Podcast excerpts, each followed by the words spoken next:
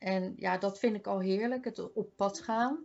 Zorgen dat de medicatie goed wordt ingenomen. Wondzorg, katheterzorg, douchen, steunkousen aan en uittrekken. De tijd die ik heb voor iemand, die heb ik ook echt voor iemand. Dus dit is voor mij uh, ja, heel erg leuk. Welkom bij Veel Werkplezier, de podcast. Een podcast waarin ik, Kirsten Schut, onderzoek doe naar werkend Nederland. Wat willen kinderen laten worden en waarom? Welke drijfveren hebben werknemers? En hoe blikken gepensioneerden terug op hun carrière? In deze aflevering ontvang ik Marianne de Heer. Ze is 53 jaar en woont samen met haar man in Rijsbergen. Met z'n tweetjes dus, want haar zoon en dochter zijn sinds kort het huis uit. Ze werkt in gemeente Zundert voor Thebe. Haar functie daar is wijkziekenverzorgster. Hartstikke leuk dat je te gast bent in mijn podcast, Marianne. Welkom. Dankjewel. Hoe is het werk bij Thebe globaal ingericht? Thebe, dat is een uh, zorgorganisatie voor Midden- en West-Brabant. En uh, ze bieden een breed uh, dienstenpakket voor jong en oud. En dan moet je denken aan kraamzorg, aan jeugdgezondheidszorg, bijvoorbeeld het consultatiebureau, maar ook hulp in de huishouding, thuiszorg, en ook diverse zorg uh, in woonzorgcentra's, dus uh, ja, verzorging en verpleeghuizen. Nou, ik zelf zit dan in Zundert, in de gemeente Zundert. En in de gemeente Zundert heb je drie teams van de thuiszorg. En ik werk in het team van het dorp Zundert, dus in Zundert zelf. En dat is dus ook de thuiszorg? Ja. In jouw team Zundert, hoe is het werk daar ingericht? Um, wij werken met 16 collega's. En dat team is een zelfsturend team. Dat betekent dat wij zelf onze cliëntenplanning doen en onze personeelsplanning. En het team zelf is weer opgedeeld in koppeltjes. Dus wij werken zeg maar met z'n tweetjes. En dan is het zo dat elk koppeltje heeft een aantal cliënten onder zijn hoede waar hij eigenlijk de hele zorg uh, voor regelt. Daar eigenlijk een soort van verantwoordelijk voor is. Dan ben je eerst verantwoordelijke voor jouw groepje cliënten samen met je collega. Je werkt eigenlijk binnen een team en dan werk je met één nee, of twee personen waarmee je richt op een vast groepje cliënten. Ja, dat klopt. Ja, wil niet zeggen dat we andere cliënten niet zien, maar het is zo dat je voor die cliënten, zeg maar, samen met die cliënten de zorg afspreekt bij de aanvang van de zorgvraag. Mm -hmm. Mensen kunnen via de huisarts of via het ziekenhuis of via een eigen vraag zeg maar in zorg komen bij ons. En dan ga je eigenlijk samen met die cliënten ga je bekijken van nou welke zorg uh, heeft iemand nodig. Is dat een paar keer per week? Is dat een paar keer per dag? En dan zorg je dat dat zorgplan, zeg maar, het elektronische dossier er allemaal netjes uitziet. Dat alle zorgvragen die iemand heeft netjes in het zorgplan staan zodat ook andere collega's zien van hé, hey, als we bij die persoon zijn, moeten we dit en dit doen. En uh, dan zorg je ook dat er plankaartjes worden gemaakt voor die cliënten. Dus dat ze ook automatisch netjes uh, op de dagen dat er is afgesproken worden ingepland. En je zorgt dat de evaluaties ook uh, op tijd plaatsvinden. En dan probeer je samen met je collega, met je koppeltje, dus zo vaak mogelijk wel bij de cliënten te komen, je eigen cliënten, voor de continuïteit van zorg. En ben jij dan degene die de zorgvraag opstelt of uh, handel jij op de zorgvraag door middel van die evaluaties te maken en de zorg te bieden? Kijk, je, iemand komt wel met een globale zorgvraag binnen. Dat is dan zeg maar onze echte verpleegkundigen. Die doen een allereerste huisbezoek en die bepalen of de zorg geleverd kan worden. Mm -hmm. En dus dan is er een globaal plaatje van wat iemand nodig heeft. Maar wij gaan dat dan netjes in een, uh, in een zorgplan uh, verwerken. En ook echt eventjes met mensen bespreken van nou, hoe vaak moet het gebeuren. En dan kan de zorg ook echt goed starten. Dus jij voelt je ook echt wel verantwoordelijk als wijkziekenverzorgster voor de zorg die geleverd moet worden. Ook dat het allemaal goed is afgehandeld in het systeem. Ja, zeker. Dat is echt wel je verantwoordelijkheid jij bent er als enige samen met je koppeltje, samen met je duopartner voor die cliënt.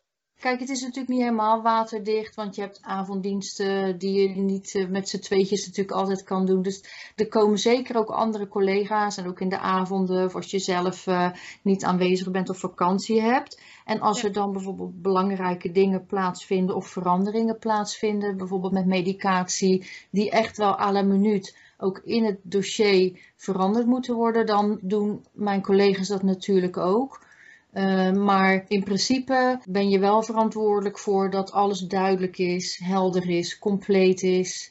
Zodat jouw andere collega's ook direct zien, door dat te lezen, van wat er ge moet gebeuren voor, voor iemand. Heb je dan iets van voorbeeldtaken wat jij dan zoal doet bij cliënten? Bedoel je inhoudelijk, het werk, eigenlijk wat het werk inhoudt? Ja. Ja, het is zo dat wij best wel een heel breed scala aan cliënten hebben. We hebben natuurlijk oudere mensen die echt vanwege hun ouderdom uh, dingen niet meer kunnen, uh, die wij overnemen. Dus dat kan dan zijn helpen met uh, persoonlijke verzorging, dus douchen, wassen, steunkousen aan en uittrekken, zorgen dat de medicatie goed wordt ingenomen, op welke manier dan ook. Het kan zijn dat je nou ja, goed, het mensen zelf moet, uh, moet uh, geven omdat ze dat niet meer kunnen. Maar het kan ook zijn dat je het voor mensen klaarlegt of zorgt dat er een apparaatje in huis wordt aangeschaft zodat ze een signaaltje krijgen van hé, hey, we moeten de medicijnen innemen. Dat zijn ook hulpmiddelen die wij kunnen inzetten. Maar het kan ook zijn dat je een cliënt hebt die bijvoorbeeld tijdelijk hulp nodig heeft, die uit het ziekenhuis is ontslagen vanwege, nou, ik noem maar wat, een gebroken arm of een gebroken heup of een nieuwe heup. En dan kan het zijn dat je spuitjes moet zetten, bloedverdunners en tijdelijk hulp moet bieden. Het kan zijn dat, dat je iemand met zondevoeding krijgt, dus dat je de zondevoeding uh, moet uh, aanhangen. Of, uh, en zeg maar alles wat daarmee te maken heeft. Het kan wondzorg zijn, iemand die met een wond uit het ziekenhuis komt en die verzorgd moet worden. Katheterzorg, mensen die een katheter hebben. En het kan ook zijn dat er terminale cliënten, zeg maar, dus binnen je koppeltje terechtkomen. En dan is het vooral zorgen dat de kwaliteit van, van het leven nog een beetje aangenaam is. En dat iemand eigenlijk vooral goed verzorgd is en geen pijn heeft. Dus warme zorg noemen ze dat. Klinkt als een heel breed uh, takenpakket. En heb je dan voor alle taken ook een opleiding gehad? Weet je van tevoren van dit wordt er nu van mij verwacht, dit, deze stappen moet ik ondernemen? Of is het ook wel eens dat je denkt van, oh, nu komt het echt aan op mijn flexibiliteit, op nou ja, logisch nadenken van wat zou ik moeten doen? En handelen meteen. Het is zo dat wij wel een scholingsprogramma hebben vanuit de organisatie. En dat is best ook een heel breed scholingsprogramma. Dat bestaat uit allerlei modules van verschillende onderwerpen. Dus stomazorg, katheterzorg, um, uh, zondevoedingszorg, diabeteszorg, het spuiten, injecteren. Al dat soort onderwerpen staat in modules. En wij moeten één keer in de drie jaar moeten wij al die modules weer uh, gedaan hebben. En dat is een theoretisch gedeelte. Moet je allerlei stoffen doornemen en vragen beantwoorden. En dan moet je dan ook uh, een toets doen. En daarnaast heb je dan voor een aantal onderwerpen ook een praktijkexamen. En dan worden we dus getoetst door mensen binnen de organisatie. Dus zo proberen we natuurlijk wel echt bij te blijven. En je moet de kennis hebben, maar je moet je ook bekwaam voelen. En als je je niet bekwaam voelt, omdat je bijvoorbeeld dingen niet zo vaak hebt gedaan. En dat komt best wel eens een keertje voor hoor. Omdat het juist in de wijk bepaalde dingen niet zo vaak voorkomen. Kan het wel zijn dat je denkt van hé, hey, uh, hoe zit dit of hoe zit dat? En dan kunnen wij altijd elkaar, elkaar bellen en hulp geven. En het is zo dat een aantal dingen, een aantal onderwerpen, die gebeuren alleen door de niveaus 4. Dus dat doen wij dan niet, zeg maar. En dat heeft meer te maken met drains, uh, nierdrains of, of galdrains. En die uh, verzorgen wij in principe niet. Dus ook wel echt dat die, uh, nou ja, omdat je die kennis en uh, die theorie moet bijhouden, dat er ook wel regelmatig dingen binnen de zorg veranderen qua behandeling, qua medicatie. Welke medicatie juist is voor welk incident. Ja, op zich valt dat wel mee. Het is alleen Kijk, als jij op een specialistische afdeling werkt, dan doe je bijvoorbeeld uh, eh, 30 keer per dag een katheter zetten. Ik, ik noem maar wat, hè. En dat is bij ons gewoon, komen een aantal dingen gewoon niet zo vaak voor. Dus het is wel belangrijk dat je kennis wel up-to-date blijft. Ja, ja oké. Okay. Wat maakt het werk zo leuk? Het maakt het zo leuk omdat het in de thuiszorg is. Ja, je gaat op pad met een lijstje. En ja, dat vind ik al heerlijk, het op pad gaan. En achter elke voordeur is het gewoon weer anders. En je bent altijd te gast. Ja, je spreekt ook altijd af van, goh, hoe bent u het gewend? Hoe vindt u het prettig? Uh, wat vindt u niet prettig? Hoe moeten we het misschien anders doen?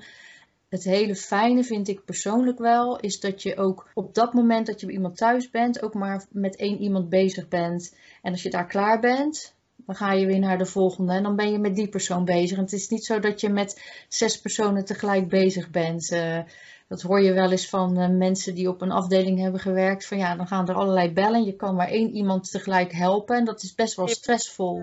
Een afdeling op het ziekenhuis, neem ik aan. Ja, bijvoorbeeld. Ja. Of in een verpleeghuis of waar dan ook. En, en hier is het uh, ja, dus toch echt wel anders werken. De tijd die ik heb voor iemand, die heb ik ook echt voor iemand. En dat maakt het ook wel heel erg persoonlijk, denk ik. Je kan uh, best een band met iemand opbouwen, zeker. Ja. En ja. waarom past dat zo goed bij jou? Nou, ik denk dat ik wel een heel zorgzaam type ben. Dat heb ik eigenlijk altijd wel, uh, wel gehad. Dus ik vind het gewoon heel erg leuk om te zorgen. Ik vind het erg leuk om met mensen om te gaan, de afwisseling. Ik ben ook wel geduldig. Dat heb je soms ook wel nodig. Ik denk dat iedereen dit wel echt, dat het wel heel erg helpt als je die eigenschappen hebt die je noemt in je werk. Ja, denk het ook wel. Hoe heb je deze hele weg bewandeld naar het zijn van wijkziekenverzorgster? Best wel via een hele omweg. Het is zo dat ik uh, vanuit de lagere school ben ik naar de MAVO gegaan. Maar dat deed ik heel goed. Dus ik kom met een jaar al naar de HAVO. En binnen een jaar ook naar het ateneum. Want ik was altijd best wel, uh, ja, hoe moet ik het zeggen? Altijd bang dat ik het niet goed genoeg deed. Dus ik deed zo goed dat ik gewoon hoge punten haalde en dus doorkom. Dus uiteindelijk heb ik mijn ateneumdiploma gehaald. En eigenlijk vanuit school het advies gekregen om dan een universitaire opleiding te doen. Want ja, anders zou het toch een beetje zonde zijn van je diploma. Dus toen was het van, ja, wat vind je dan leuk? Ja, iets in de zorg. Toen heb ik gekozen voor verplegingswetenschap.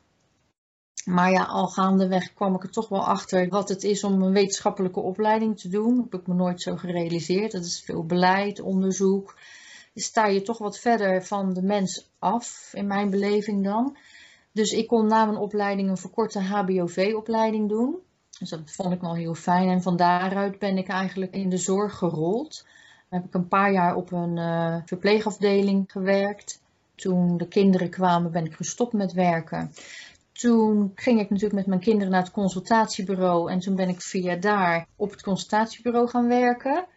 Maar toen de kinderen wat ouder werden en wat zelfstandiger, kreeg ik toch wel weer de kriebels om uh, echt wat meer aan het bed te staan, zeg maar. En omdat ik natuurlijk toch al ook via het consultatiebureau bij Thebe werkte, zag ik natuurlijk mijn collega's die in de thuiszorg werkten. En ja, dat vond ik toch wel heel erg leuk. Dus toen heb ik eigenlijk besloten om naar de thuiszorg te gaan. En ben ik ingestroomd op niveau 3, omdat ik uh, nou best wel een hele tijd uh, niet meer in de zorg had gezeten, in, uh, aan het bed had gestaan. Ja, en eigenlijk bevalt dat niveau me gewoon heel erg goed. Het is, ja, ik, ik vind het gewoon heel fijn en ik heb niet de ambitie of de behoefte om op een ander niveau uh, nog te gaan werken. Dus dit vind ik fijn om te doen. Dus zo ben ik er eigenlijk bij gekomen. Ja, Via mooi. een hele grote omweg. maar ik denk wel dat je nu een beetje dan zo alle takken van de zorg hebt gezien. Uiteindelijk op je plek bent gaan zitten. En daar nu ook tevreden mee bent. En ook ja, dat is het. Ik, ik ben er tevreden mee. Het, het past goed bij me. En ik voel me er gewoon goed bij. Ik ben ook wel iemand die niet te veel taken en verantwoordelijkheden in de zin van uh, verantwoordelijkheid voor een heel team op me zou willen hebben. Dus dit is voor mij uh, ja, heel erg leuk. Ook als je zegt dat je het juist leuk vindt om van deur naar deur te gaan en nou ja, echt te gast zijn bij de mensen en dan hulp uh, aan te bieden, dat is juist die uitvoerende kant. Want denk ik ook juist goed bij nou ja, het werk, de, het niveau pas wat je nu doet. En als je ja. hogerop, dan ga je dat missen, denk ik ook. Hè? Ja, dan wordt die afstand weer groter, dat klopt. Nou, ik denk ergens de tijd wil ik het interview afronden. Hartstikke bedankt voor, uh, voor het interview. Nou, graag gedaan, dankjewel. En succes met je programma's. Dankjewel. Dat was Marianne de Heer over haar werk als wijkziekenverzorgster. Volgende week weer een nieuwe aflevering met André Lis over zijn carrièreverleden als elektromonteur, installateur, technisch tekenaar, logistiek medewerker en inkoopmanager in combinatie met facilitair manager. Vergeet ondertussen niet te abonneren op deze podcast en volg mijn Instagram-account podcast.veelwerkplezier. En denk je nou, ik wil mijn werkplezier ook delen via deze podcast? Stuur dan een e-mail naar podcast.veelwerkplezier.gmail.com. Leuk dat je luisterde en voor deze week veel werkplezier!